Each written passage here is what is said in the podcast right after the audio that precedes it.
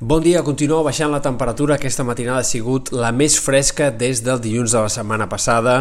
i només en alguns punts de la costa el fet que s'hi hagi informat alguns núvols baixos ha evitat que el termòmetre baixés d'una forma clara, tot i que també ha anat baixant, encara que sigui menys, en aquests sectors costaners, sobretot de la costa central i sud de la costa brava, on les mínimes encara han sigut força altes avui. Esperem que al migdia també es noti aquesta temperatura més confortable, més agradable, calor molt més suportable a la d'avui, amb màximes que ja no superaran els 35 graus gairebé en lloc i amb un cel bàsicament serè. Els núvols baixos d'aquesta matinada s'han d'anar desfent amb el pas de les hores i més aviat el que esperem és que el sol predomini en general aquest dimarts. Vent de tramuntana que anirà perdent força al llarg de la jornada, tot i que encara durant aquest matí, migdia, primeres hores de la tarda pot anar-se deixant sentir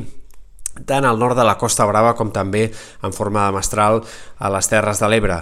De cara als dies vinents, el que esperem és que aquest dimecres comenci encara amb temperatures una mica més baixes, sobretot en alguns punts de la costa, matinada encara molt fresca, també temperatures agradables durant el dimecres, i a partir de dijous comença la remuntada del termòmetre, que es notarà sobretot entre divendres, dissabte i diumenge, dies en els quals la calor tornarà a ser intensa, no extrema, com hem tingut en els últims dies, però sí intensa, amb sensacions tèrmiques altre cop al voltant dels 35 graus o temperatures reals que puguin arribar a superar aquests 35 graus graus en comarques interiors i peralitorals. És incert si aquest nou pic de calor que tindrem de cara al cap de setmana eh, serà persistent o no. Aquí aquest és un factor important per saber si realment la segona quinzena d'agost serà molt canicular encara en el seu conjunt o si de cara a l'inici de la setmana que ve pot baixar el termòmetre altre cop. Haurem d'anar-ho concretant els pròxims dies. Pel que fa a l'estat del cel, destacar sobretot el canvi de temps de dijous que comportarà algunes tempestes al Pirineu, a punts de la Catalunya central, també als ports i que podria arribar a deixar alguns ruixats també